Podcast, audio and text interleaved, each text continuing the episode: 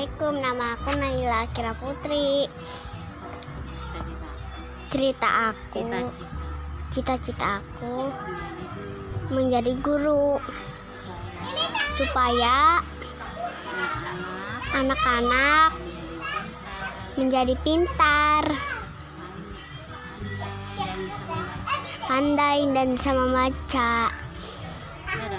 Dadah, assalamualaikum.